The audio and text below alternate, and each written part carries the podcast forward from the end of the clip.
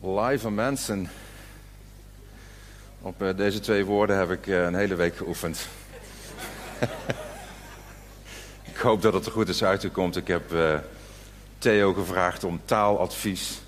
Die heeft een gesproken tekst naar me gezonden. Zei, zo moet je dat uitspreken. En wat is het een vreugde om hier vandaag bij jullie zijn. Er is een flink aantal redenen voor. Uh, natuurlijk omdat er uh, helemaal niets boven Groningen gaat. Uh, gisteren met ehm, twee goede vrienden die straks om half twaalf ook hier mogen zijn. de dag doorbrengen, do mogen doorbrengen, jullie prachtige stad. En ja, als je uit Nijmegen komt, dan moet je er best een tijdje voor rijden om hier te mogen komen. Maar wat is het waard? Wat is het een fijne stad? En wat wonen er in deze stad? Prachtige, mooie mensen. En wat zijn er vele van die mooie mensen hier vandaag. En ik kom ook een beetje thuis uh, hier in uh, Groningen. En dat thuiskomen, dat komt uh, vooral door een aantal mensen die me zo intens dierbaar zijn, waarvan ik er twee in ieder geval moet noemen vandaag. En dat zijn mijn goede, lieve vrienden Theo. En Theo, wat fijn dat je vandaag hier bent. En Arjan, met wie ik al een behoorlijke tijd mag optrekken. En we mogen elkaars hart zo proeven en um, als je aan het einde denkt, nou die preek dat was helemaal niks, dan mag je naar Theo gaan. En uh, tegen Theo zeggen, het was helemaal niks, want hij is de reden ervoor dat ik vandaag hier ben. Uh, uh, dankjewel Theo voor je, voor je vertrouwen en voor je vriendschap. Maar de belangrijkste reden waarom het natuurlijk goed is om vandaag hier bij elkaar te zijn, is omdat we weer iets mogen gaan proeven van dat hele grote, onuitspreekbare mysterie. Dat hele grote, onuitbreekbare mysterie dat God God is. En dat wij mensen zijn. En dat wij onlosmakelijk met elkaar verbonden zijn. Dat we bij elkaar horen. En want ja, wat we ook zouden proberen, wat we ook zouden doen. En waarheen we ook zouden gaan, vandaag kunnen wij heel vertrouwvol zeggen met Psalm 124 dat onze hulp is in de naam van de Heer. Die gemaakt heeft hemel en aarde. En we bidden met de zekerheid van Psalm 138 dat Hij ons zal beschermen, omdat zijn trouw eeuwig duurt. Maar laten we maar meteen eerlijk zijn. Um, soms is het in ons leven buitengewoon hard werken om die belofte van God, dat hij met ons op weg is en dat hij ons trouw is om dat in het diepst van ons hart ook helemaal werkelijk te ervaren. En ik keek zo net ontroerd ook even naar Theo, want die, die schitterende aanbidding, wauw, wat een opening vanochtend. Wat zijn jullie ook gezegend met zo'n aanbiddingsteam hier in deze kerk. Ja, in een enkele van die liederen horen we dat al. God verlangt er niet naar om deze holle ruimte op te vullen. Maar hij verlangt ernaar om het hart van ieder van ons op te vullen, waarin natuurlijk simpelweg ook leegte is.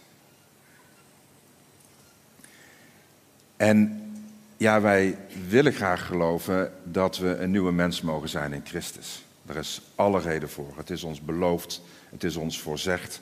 En vaak zeggen we ook, als ik aan christenen vraag, wie ben je? Dan hoor ik heel vaak, ik ben een geliefd kind van God en dat zijn we. Maar ervaren we dat 24 uur per dag? En de realiteit van mijn leven is in ieder geval dat het vaak niet zo is. Dat ik het wel zeg, dat ik het ook weet met mijn hoofd, maar dat ik in mijn hart er soms ook zo aan kan twijfelen. We willen graag vertrouwen, maar we lopen ook aan tegen onze innerlijke pijn. En we weten soms helemaal niet hoe we moeten omgaan met de twijfel die we in het leven ook eh, ervaren. En de angst en de eenzaamheid. Nou, dan gaan we deze ochtend, op deze vroege zondagochtend, met elkaar maar eens wat verder over hebben. Ik moet denken aan een, aan een bijeenkomst nu al best een flink aantal jaren geleden in uh, Zwitserland, waar ik uh, toen werkte met collega's. En we waren met elkaar in een ruimte en we zouden elkaar feedback geven over wat we prettig vonden aan elkaar en wat we soms ook moeilijk vonden aan elkaar. En ik weet nog dat ik in de stoel zat en dat de collega's hun hart naar mij openden en iets tegen mij zeiden over hoe ze mij zagen en wat ze waardeerden aan mij. En op enig moment opent een van mijn vrouwelijke collega's haar mond en zegt: Jacob, we houden van jou. En ze sprak die woorden uit en ik herinner me nog dat ik gewoon begon te praten. Ik praatte er gewoon hartstikke overheen. En de man die links van mij zat, die pakte mijn handzakjes vast en die zei: Jacob, hoorde je net wat er tegen je werd gezegd? En toen hij zo mijn hand vastpakte, kon ik eigenlijk alleen maar huilen. En ik kon alleen maar huilen omdat ik iets van binnen mij ook voelde van, ja, maar ben ik dan eigenlijk wel zo'n goede collega? Doe ik mijn werk eigenlijk wel heel goed? Zou ik niet veel beter moeten zijn? Maar dat was de essentie niet van wat er tegen me werd gezegd. Er werd gezegd dat er van me werd gehouden. En ik vond het lastig om het aan te nemen. En dat moet me ook, doet me ook denken aan mijn huwelijk. Ik ben eh, dit jaar tien jaar getrouwd. Mijn eh, vrouw is helaas vandaag niet. Ze zou erbij zijn, maar ze ligt met een stevige verkoudheid eh, in de wieg in bed. Maar ze kijkt er nu wel mee. Ehm, ik ben nu tien jaar getrouwd. Dat vaak als een intense rijkdom. Maar ik moet ook bekennen dat het me flink wat jaren heeft gekost, ook in mijn huwelijk, om dieper in mijn hart te kunnen ervaren dat als ze tegen mij zegt: Ik hou van jou, dat het ook echt waar is. Dat het echt waar is dat ze van me houdt. Ik hoorde het wel, mijn hoofd hoorde het, maar in mijn hart kan er soms die twijfel zijn. Is het wel echt waar? En ik leer met name ook in mijn huwelijk, wat toch een geschenk is van onze lieve Heer. Ik leer in mijn huwelijk dat ik een weg te gaan heb, de weg van heling. En ik leer daarbij vooral dat ik daar niet zo heel veel voor hoef te doen. En dat brengt mij vandaag bij de zaligsprekingen. Gelukkig de Groningse gemeenteleden die daar een heel seizoen bij stil mogen staan. Wat is het heerlijk om zoveel weken stil te staan bij die krachtige, machtige woorden die Jezus sprak op de berg. Laten we Matthäus, 1, oh, Matthäus 5, hoofdstuk 1 er nog maar eens eh, bijnemen voor het eerste gedeelte van die zaligsprekingen. Gelukkig wie nederig van hart zijn, want voor hen is het koninkrijk van de hemel. Gelukkig de treurende, want zij zullen getroost worden. Gelukkig de zachtmoedigen, want zij zullen het land bezitten. Gelukkig wie hongeren en dorsten naar gerechtigheid, want zij zullen verzadigd worden. En dan, gelukkig de barmhartigen, want zij zullen barmhartigheid ondervinden. Gelukkig de barmhartigen, want zij zullen barmhartigheid ondervinden. Nou, jullie hoorden misschien al wel eerder ook door anderen die op deze plek spraken over die zaligsprekingen, dat als je zo kijkt in eerste instantie naar die zaligsprekingen, dan lijkt dat een enorme to-do-list. Als je dit doet, dan ben je een goed christen. En als je dat dan bent, dan zullen er dingen met je gebeuren en zul je gelukkiger worden. Een, een to-do-list, misschien wel de checklist. Als ik dit doe, dan komt het helemaal goed. Doe dit en dan zul je. Nou, ik weet niet hoe het u vergaat, maar als ik met die bril naar deze zaligsprekingen kijk, dan zakt de moed me behoorlijk in de schoenen. Want, uh, dan kijk ik in mijn eigen leven, mijn 24-7, en ziet mijn leven er dan zo uit? Uh, doe ik dat allemaal? Beleef ik dat allemaal? Uh, en, en, en, hoe zit dat? Moet ik dan treurig zijn? Ik wil helemaal niet treurig zijn. Ik wil heel wat anders dan treurig zijn. Ik wil vrolijk zijn. Ik wil gelukkig zijn. Ik wil vreugde ervaren. Dus eigenlijk worden we op een bepaalde manier al moe voordat we begonnen zijn. En dat geldt voor die barmhartigheid ook. En op die barmhartigheid zou ik met jullie wat verder willen inzoomen deze ochtend. En misschien ontdekken we dan over die barmhartigheid wel iets anders dan dat we in eerste instantie geneigd zijn te ontdekken. Wat is barmhartigheid eigenlijk? Ik neem jullie ook een stukje mee in de taal. Ik hou van taal. En, ehm, en, en, en nou ja, uh, dit uh, prachtige boek uh, is taal, is ook taal. Barmhartig. En het komt van het, het Griekse woord eleos. En het is eigenlijk een van de allereerste woorden die via het Latijn, het oude christelijke Latijn van eeuwen en eeuwen geleden, zijn weg heeft gevonden ook naar het Nederlands. Het is een van de oudste Nederlandse woorden, barmhartigheid. Wat betekent barmhartigheid? Het betekent zoveel als medelijden hebben, troost ervaren. En het woord barmhartigheid is heel erg verbonden met het woord ontferming en erbarmen. Degenen die van eh, klassieke muziek houden, die kennen misschien ook wel dat prachtige lied wat we rond Pasen zo vaak horen, Erbarme dich, uit de Matthäus-passion van, van Bach. Zo'n indringend lied wat roept en wat, wat het uitschreeuwt, ontferm u over mij, Heer. Maar waar gaat het dan eigenlijk over? Die, dat erbarmen, die barmhartigheid, die ontferming. Gaat dat tot om dat je eerst iets moet doen naar een ander? Of is het misschien toch net iets anders? Ik denk het laatste. Wie van jullie heeft er wel eens uh, gevlogen? Met een vliegtuig. Met een vliegtuig. Um, en um, ja, nou als je vliegt, dan, uh, dat is trouwens een flinke aantal van jullie, dan is er de stewardess of de steward, die gaat op enig moment uitleggen wat je moet doen als die lucht, hoe noem je dat, die, die mondkapjes, die luchtkapjes naar beneden komen. Hè? Dus dat laat ze dan ze zien. In het geval dat, er, uh, dat de luchtdruk wegvalt, dan komen er maskers naar beneden. En dan vertelt ze wat je dan moet doen. En elke keer opnieuw, dan, dan, dan ben ik toch een beetje verbaasd wat ze dan zegt.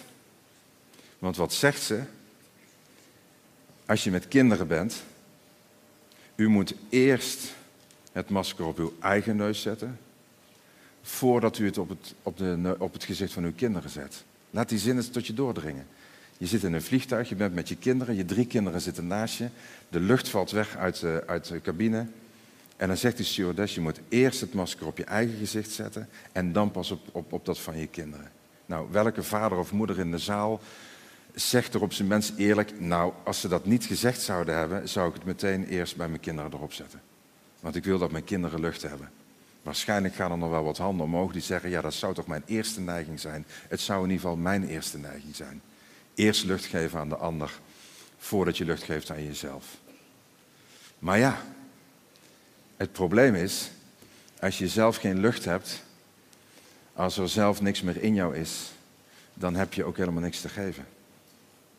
Als je zelf niet meer geïnspireerd bent, als je zelf niet van de geest vervuld bent, als je zelf niet voelt dat je gedragen wordt door de juiste lucht, dan is er ook geen lucht meer om te geven aan anderen.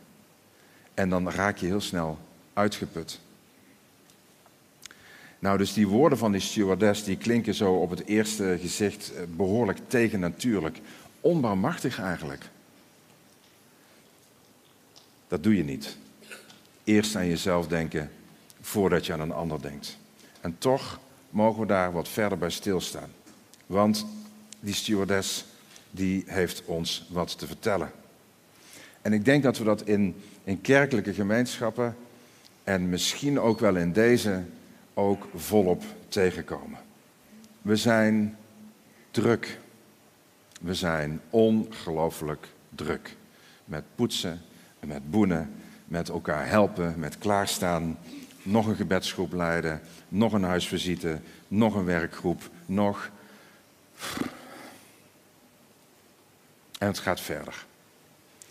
Want in dat druk zijn doen we niet alleen van alles, maar denken we ook van alles.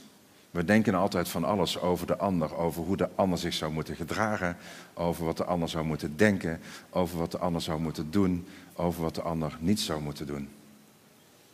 En misschien herkennen sommigen hier vandaag aanwezig dat ook wel. Dat je in dat poetsen en dat boenen en dat hard denken, dat je jezelf zo ongelooflijk voorbij kunt lopen. En dat we helemaal niet meer zo verbonden zijn met datgene wat we voelen en datgene wat we werkelijk ervaren. En misschien gebeurt het dan soms ook wel dat we niet meer zo doorhebben dat we onze houvast aan het zoeken zijn in woorden, in tekst, in taal die helemaal niet meer uit ons hart komt, maar die meer lijkt te gaan over regels, over wat we moeten doen, maar wat we niet, eh, wat we zouden moeten doen. We zijn vaak zo ontzettend druk bezig om ons een oordeel te vellen over de wereld om ons heen. We zijn zo bezig om te reageren dat we vergeten om te antwoorden. Dat we reageren, dat we onze impulsen geven, maar dat we vergeten om een antwoord te geven wat werkelijk uit ons hart komt. We hebben onze meningen klaar, we hebben onze reacties klaar. En vaak hebben we ook de Bijbel in, in, in onze hand. Dus we reageren met de Bijbel in onze hand. Oh, lees maar daar. En Paulus zegt overigens zus zus en zo. En als je dat niet weet, heb je gewoon je Bijbel niet gelezen, suffert. Het wordt tijd dat jij meer in die Bijbel gaat lezen, want daar staat het allemaal. Maar we vergeten dat die woorden uit de Bijbel ook verklonken mogen zijn, versmolten met ons hart. Dat dat de reis die we te maken hebben. Vul onze leegte, Heer, werd er vanochtend gezongen. En ja, we doen dat ook op eh, social media voortdurend. Wie wordt er niet af en toe moe van? Het lijkt wel alsof we in een tijdperk terecht zijn gekomen dat het niet meer interessant is om elkaar een antwoord te geven, maar zo snel mogelijk zeggen wat je vindt, wat je denkt. En het, dan heb je het maar gewoon gezegd en dan is het klaar. Nou, en hoeveel onnodige pijn doen we elkaar daar ook mee, omdat we de ruimte niet meer nemen om adem te halen. Ja, je mag alles zeggen wat je denkt, maar het hoeft niet. Dat is ook fijn. Het is ook fijn om soms te denken, ja, dat mag ik zeggen, maar ik, ik hoef het ook gewoon niet te doen. Dat weet ik trouwens, een anekdote die me zo nu te binnen schiet. dus jaren geleden, heel veel jaren geleden, uh, was ik uh, advocaat. Zo is mijn, mijn werkzame leven begonnen. En ik weet nog dat ik bij in de rechtbank stond. En um, dat, um, ik, had een, ik had een lastige zaak. En mijn wederpartij die zat er en nou, die irriteerde mij tot in het diepst van mijn vezels. Ik dacht, jemig, wat een mens. En um, nou, op een gegeven moment zeg ik zo, uh, meneer de voorzitter, en, en in, mijn, in mijn herinnering was dat een hele oude, wijze man met een grote baard. En die, had het, die deed dit werk al 138 jaar. En, um, uh, en ik was boos en ik dacht, hoe, hoe ga ik nou mijn punt maken? Dus ik zeg, meneer de voorzitter, ik sta op het punt om iets heel onaardigs over mijn tegenpartij te gaan zeggen. Waarop die voorzitter heel diep ademhaalt en mij heel vriendelijk aankijkt en zegt: Meneer Van Wielink, ja, u kunt het ook gewoon niet doen. En ik was ontwapend, want ik had van allerlei dingen voorbereid. Ik was ontwapend en, en ik denk: ja, ja, hij heeft gelijk. Ik hoef het ook niet te zeggen. Ik kan het ook niet zeggen. Ik kan ook kiezen om iets anders te doen, om een ander resultaat te bereiken. Maar we reageren dus vaak vanuit de pijn die we in ons hart met ons meedragen, zonder dat we het doorhebben.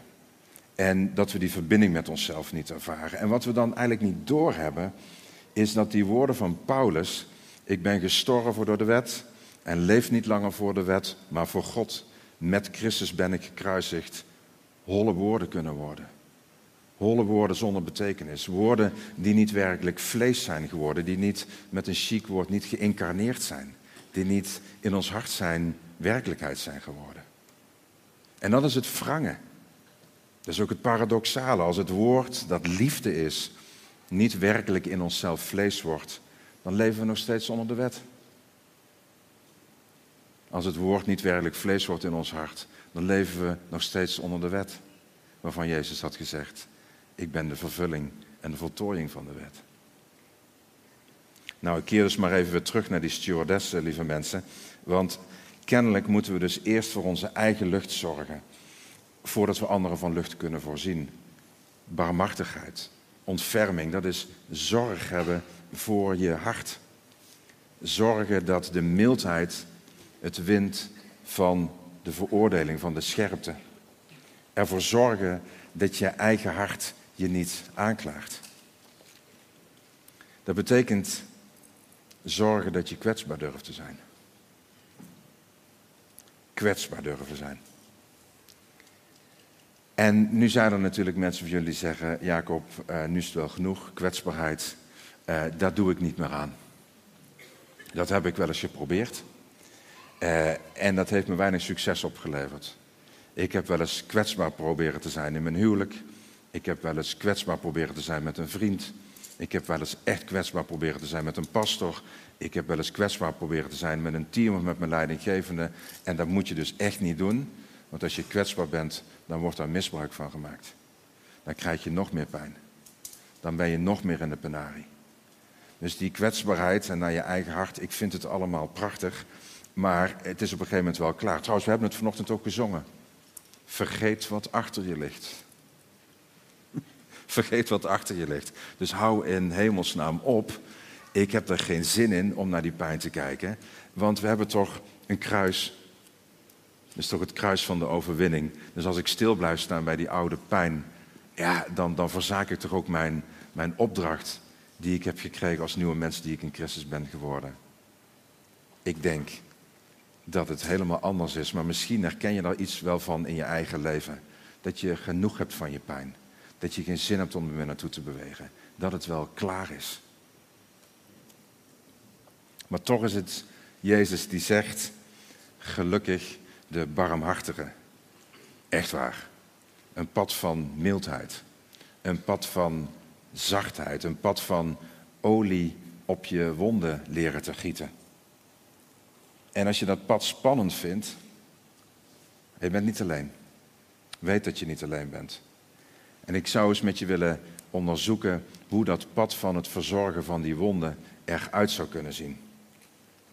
En ik wil jullie dan terug meenemen naar een hele oude geschiedenis van de orthodoxe monniken. Je, hebt in het, je had vroeger, uh, al, al, vlak nou zo 300, 400 na Christus, die heten de woestijnvaders. Misschien heeft iemand er van jullie wel eens van gehoord. Woestijnvaders, dat waren monniken en die trokken zich terug in de woestijn.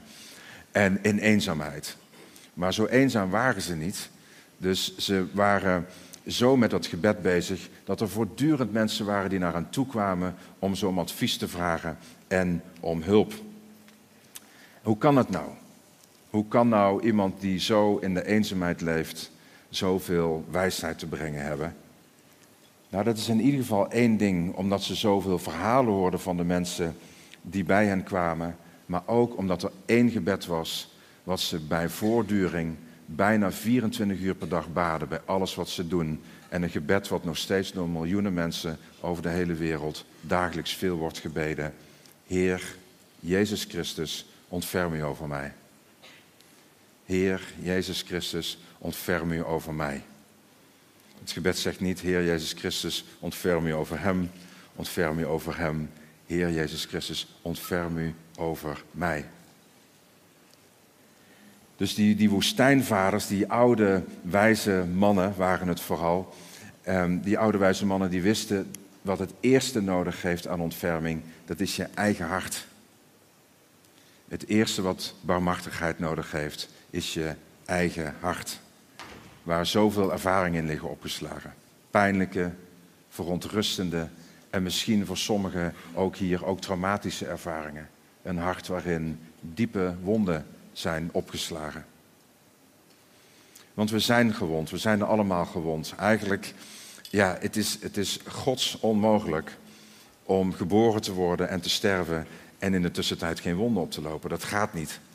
We leven niet in het paradijs, toch? En we vieren graag Pasen met elkaar. Eigenlijk vieren we elke zondag Pasen. De reden waarom we op zondag samenkomen is om elke zondag Pasen te vieren. Maar dat betekent dat we ook elke week voorafgaand aan Pasen ook mogen ervaren dat het eerst Goede Vrijdag is, voordat het Pasen is. Er bestaat geen Pasen zonder Goede Vrijdag. Hoe maken wij contact met onze eigen Goede Vrijdag? Hoe doe ik dat? Hoe maak ik contact met daar waar ik gewond ben. En Ik heb het met Theo, was ik hier een paar maanden geleden. En toen hebben we ook bij dat prachtige, grote, stoere, robuuste kruis gestaan. Wat daar zo prachtig in, bij, in, in, in jullie zaal staat.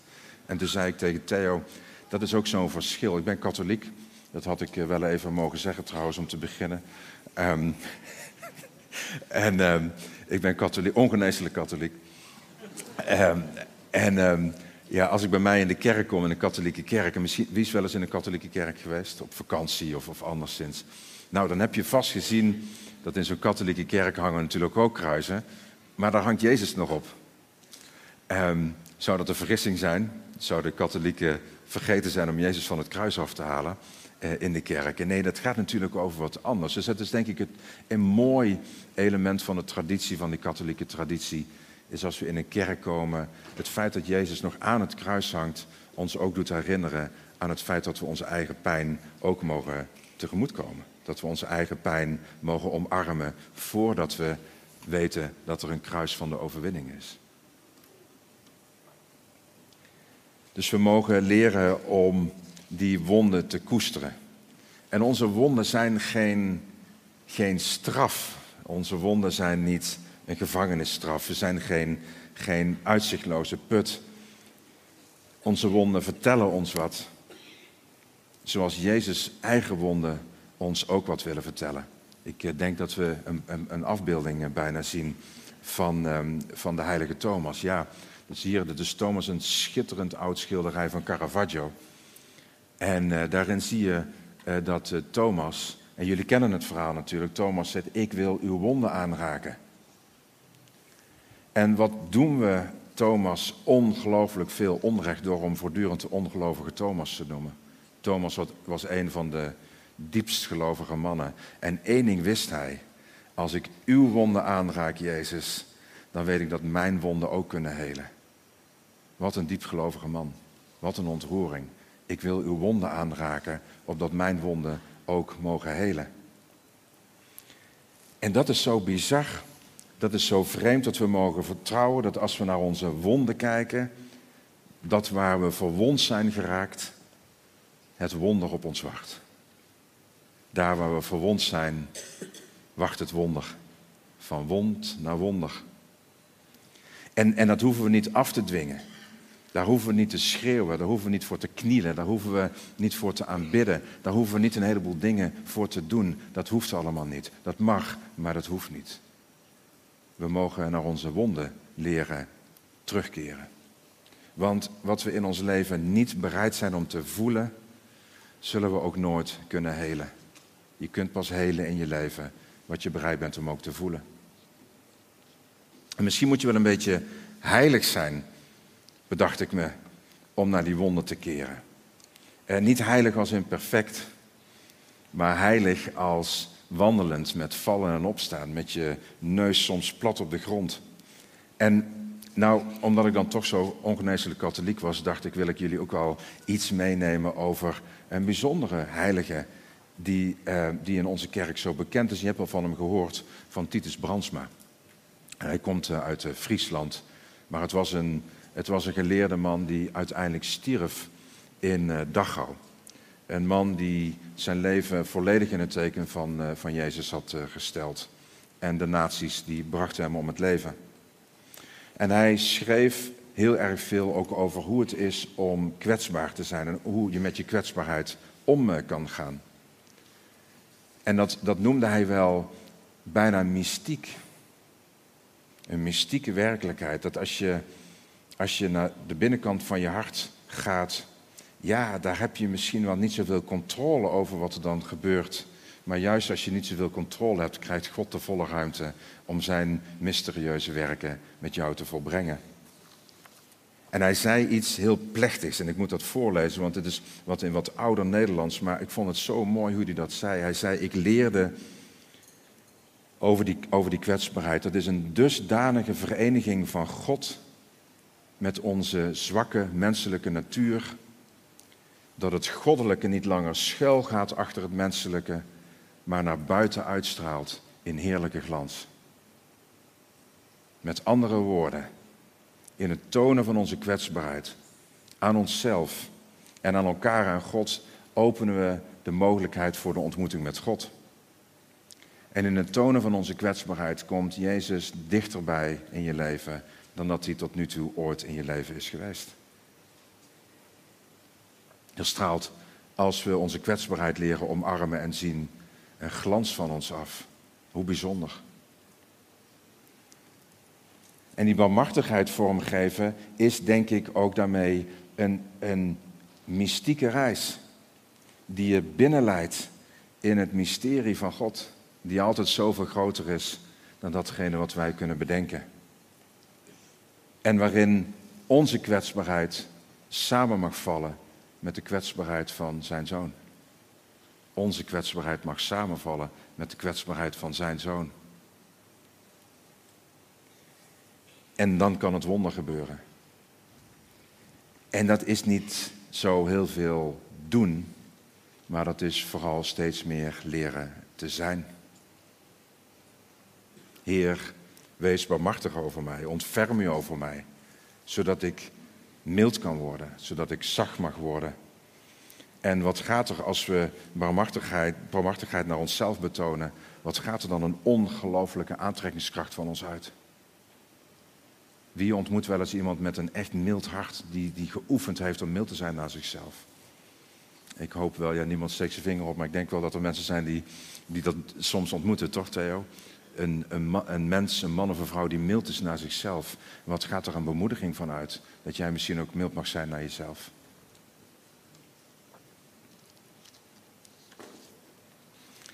Dus ik zou zeggen, lieve mensen, oefen maar. Wees zacht voor jezelf. Giet olie over je wonden. En durf maar stil te zijn. Durf stil te staan. Ga terug naar die bron. Terug naar de kern. En ik moest dat in Zwitserland ook doen. En ik moest dat in mijn huwelijk ook doen. Want als ik dan terugga naar waarom ik het zo moeilijk vond toen om van die collega te horen: Ik hou van jou. En waarom ik het zo moeilijk soms vind om diep van binnen in mijn hart te ervaren van mijn vrouw: Ik hou van jou, dat het echt waar is. Dan kom ik in ieder geval ook bij een diepe wond. En dat is zo toen ik jong was, dat ik werd gepest. En dat dat pesten een diep, een diep gat in mijn hart heeft geslagen. Wat ervoor heeft gezorgd dat ik soms zo kan ervaren dat ik er misschien wel niet toe doe in de mate waarin ik er graag zou willen toe doen. Dat ik er misschien niet bij hoor op de manier zoals ik er graag zou willen bijhoren. En het heeft mij uitgenodigd, die opmerkingen van mijn collega, maar ook de opmerkingen van mijn vrouw, ik hou van jou, om die weg met Jezus nog veel dieper te gaan. Zodat ik steeds meer ontdek dat wat vroeger was, vroeger was. En dat wat vandaag is, vandaag is. Dat is Jezus navolgen in zijn opstanding. Als dat geen goed nieuws is. En eh, ik vraag me dan af, lieve mensen, hoe zou het zijn als wij ons richten op het kruis? Dat kruis wat daar links van jullie, ja links hè, ja links van jullie staat. Hoe zou het zijn om er eens naar te kijken? Mag ik jullie eens uitnodigen? Om te kijken naar dat kruis helemaal links, waar twee kinderen zo prachtig bij staan. Breng de kinderen tot mij. Om bij dat kruis ook samen te bidden. Die plek waar Jezus ultiem kwetsbaar werd. En de grootste, waar God de grootste bemachtigheid toonde, die hij maar kon tonen. Onze Jezus, die ons later zijn littekens toonde, zodat we van onze littekens minder bang hoeven te worden. Hij ging ons toen voor, hij gaat ons vandaag voor, hier, samen met elkaar. Toon elkaar maar je littekens want ze zijn er. Wees mild en wees zacht naar de littekens van jezelf, naar de littekens van elkaar. Verzorg ze maar. En vertrouw erop dat je barmachtigheid zult ontvangen. En ik wil jullie een voorstel doen. Als je zo de zaligspreking hebt gelezen en je gaat verder in de bergreden lezen, dan zegt Jezus op enig moment, want mensen willen weten, hoe moet ik dat nou doen, dat bidden? Hoe moet ik dat doen? En dan zegt Jezus, doe dan de deur dicht. En bid dan tot onze Vader die in het verborgene is. En ik zou jullie willen voorstellen dat, ik, dat we het even zo stilmaken. En dat we daarna die woorden bidden met elkaar die Jezus ons geleerd heeft. En als we die woorden hebben gebeden met elkaar, dat we het dan, ja, dat we elkaar dan zo eens even aankijken nadat we dat hebben uitgesproken. Hoe zou dat zijn? Laten we het even stilmaken.